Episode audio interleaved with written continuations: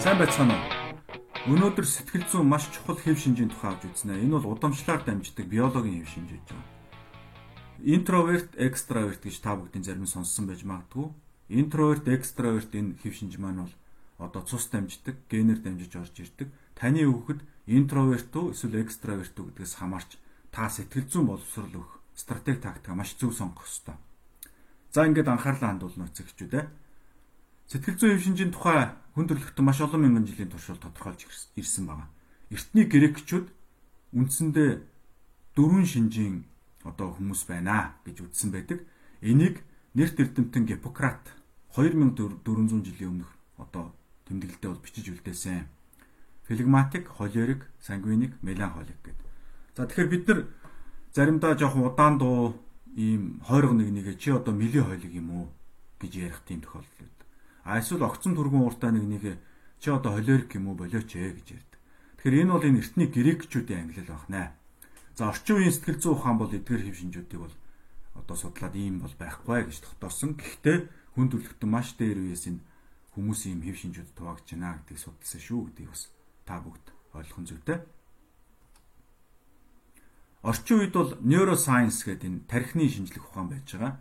Энэ тархины шинжлэх ухаан маань сэтгэл зүйн шинжлэх ухаантай бол маш олон зүйлээр давхцдаг. Яагаад тэгэхээр одоо жишээлбэл удамшлаар орж ирдэг ийм хэв шинжүүд байна гэдгийг хамтарч тогтоож байгаа. За ингээд а одоо сэтгэл зүйн хэв шинжүүд дээр сэтгэл зүйч нар маш олон янзын хэв шинжүүд байгаа байхгүй гэж маргалддаг өнөөдөр хүртэл. Гэхдээ бүх сэтгэл зүйч нарын одоо санал нийлдэг а судалгаагаар тогтоогдсон батлагдсан ийм үндсэн хэв шинж бол энэ экстраверт уу интроверт уу гэдэг ийм хэв шинж байж байгаа. Тэгээ экстраверт бол гадагшаага хүнийг хэлж байгаа. Интроверт бол илүү дотгошоогоо хүнийг бол хэлж байгаа.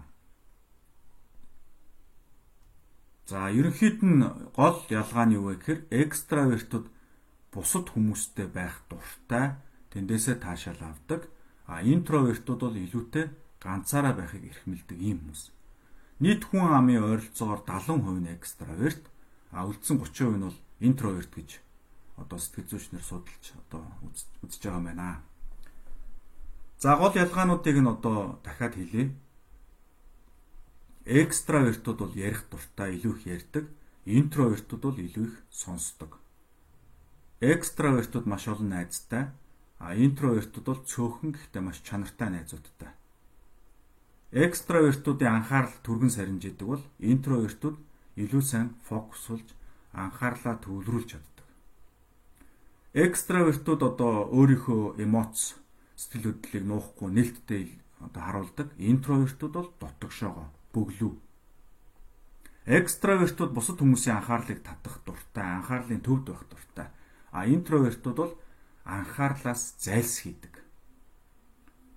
Экстравертууд өөрсдийнхөө үзэл бодлыг чөлөөтэй илэрхийлж санаа оноогоо хэлж идэг бол интровертууд асуухаас нааш бол энийг хэлдэггүй. За ингээд гол шинжүүдийг хэлэхдээ та бүгд одоо өөрсдөө болон хүүхдүүдэд интроверт нь үү, экстраверт нь үү гэдэг харах хэрэгтэй. Хэрвээ та интроверт бол хүүхд чинь интроверт л одоо байж таарна ер нь бол таны нөхөр мэдээж ямар вэ, эхнэр ямар вэ гэдэгс хамаар. За сэтгэл зүйч нар номын санд судалгаа хийгээд үзэхэд экстравертууд номын санд хүмүүстэй харилцах боломжтой, дуу чимээгтэй, хүмүүс хөлгсөн ийм болондод сонгож сууж исэн. А интровертууд эсрэгээр ганцаараа дуу чимээ багтай хүмүүс өөрт нь саад болохооргүй ийм газрыг бол сонгож суудаг бахнэ. Ингээд энэ экстраверт, интровертын а төрөлхийн хэв шинж бол хүний бүх одоо үйл хөдлөл, ажил амьдралд бол цаашд илрээд явна гэсэн үг. За интроверт хүн гэдэг бол ичимхий бүрг номо гэсэн үг бол огт биш ээ. Энэ ичимхийч гэдэг юм уу бүрг номо гэдэг юм бол энэ сэтгэл зүйн өөр үзэгдлүүд байх боломжтой. А интроверт бол тийм хүн биш. Интроверт экстравертыг тархин яаж ажилддаг юм бэ гэж судлаад үзэхээр энэ хоёрын тархины ажиллагаа өөр байж байгаа. Интроверт гаднаас ирж байгаа энэ одоо мэдрэлийн хүлээн авах системээр дамжиж ирж байгаа одоо нүдээр, чихээр За одоо энэ хүрэлцхэн одоо энэ мэдрэлийн системээр дамжиж ирж байгаа гадны өдөөгч хүчин зүйл бол маш мэдрэг ханддаг. А экстраверт бол мэдрэг чанар нь бага. Тэгэхээр чанга хөгжимтэй диско клубд бол интроверт удаан байж чадахгүй гэсэн үг. Яг тэр тэр чанга хөгжмийн одоо орж ирж байгаа дуу чимээ бол интровертэд дэндүү мэдрэм мэдрэмтгий одоо дэндүү хүчтэй сонсогдно гэсэн үг. А тийм учраас интровертийн дуу чимээ олон хүнээс зайлсхийгээд байдаг ийм учиртай. Тэгэхээр энэ бол ерөөсө тархины онцлог. За экстраверт хүн бол эсвэргээрээ энэ мэдрэмтгий байдал нь бага. Тийм учраас тийм өдөөгч хүчин зүйлүүд ихтэй а дуу чимээтэй олон хүн бужигнсан ийм газар олон найзуудаар хүрээлүүлсэн ийм газар одоо очих тэгээ өөрийгөө одоо илэрхийлэх ийм талдаа бол илүү таашаал авдаг байна. Тэгэхээр энэ бол тархины онцлог учраас та интроверт хүүхдийг одоо загнаад а одоо тэг инг гээд экстраверт чиг байлгах гад эсвэл экстравертыг интроверт чиг байлгах гад ингэх юм бол энэ бол хүүхдэд зөрчил үүсгэнэ. Нэгэнт тархин ингээд төрцөн хүүхдийг бол та ингэж болохгүй. Тэгэхээр та харин яах ёстой гэхээр зөв стратеги тактикаар бол хандах ёстой. Нэгдүгээр хүүхдэд тодорхойлох ёстой. Интроверт мөн үү гэдгийг. За интроверт мөн байна гэдэг түрүү миний хэлсэн хэв шинжүүдээр ингээд тодорхойлоо гараад ирэх юм бол аа та зохих одоо зөв сэтгэл зүйн юм аргачлалуудыг бол ашиглах хэрэгтэй. Тэгэхээр тодорхойлох дээр би бас нэг юм хэлмээр байна. Жишээлбэл одоо саяхан дотны үнэ алдсан экстраверт хүн хэд хоног бол интроверт хүн шиг л тийм ааш аваар гаргана шүү дээ. Тэгэхээр хүнийг нэг удаагийн үйлдэлээр ерөөсөө тодорхойлж болохгүй. Бүр урт хугацаанд жил 2 жил тасралтгүй үзүүлж байгаа энэ одоо хандлагаар нь хэв шинжийн тодорхойлно шүү. За мэдээж энийг тодорхойлдог сэтгэл зүйн тестүүд бол байгаа. Энэ тестүүдийг бол би мэдээж энэ хуудсан дээр бол оруулна. Та бүгд мэдээж хуудасаа дагаад ингээд баг багаар юм. Би та бүгдэд одоо 10 гаруй жилийн турш судалсан мэдлэгээ нэг өдрийн дотор өгч чадахгүй боломжгүй. Тэгэхээр ингээд нэг хэдэн сарын турш дамнуулаад өгч учраас та бүгд хуудас хуудсан дээр л идэвхтэй байх хэрэгтэй.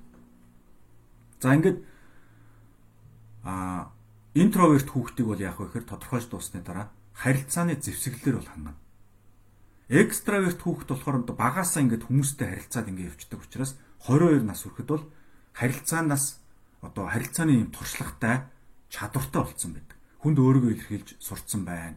А хүмүүсийг одоо хүмүүсийн хүрээлд ороод сурцсан байна. Хүмүүсийг ойлгоод сурцсан байна, тэ? Санаа бодлоо одоо ингээд чөлөөтэй илэрхийлдэг ийм нөхцөл байдал, өөртөө итгэх байдал бий болсон байна. А гэтэл интроверт угаасаа тийм хүн биш учраас энэ харилцааны ийм ур чадвар бий болдоггүй.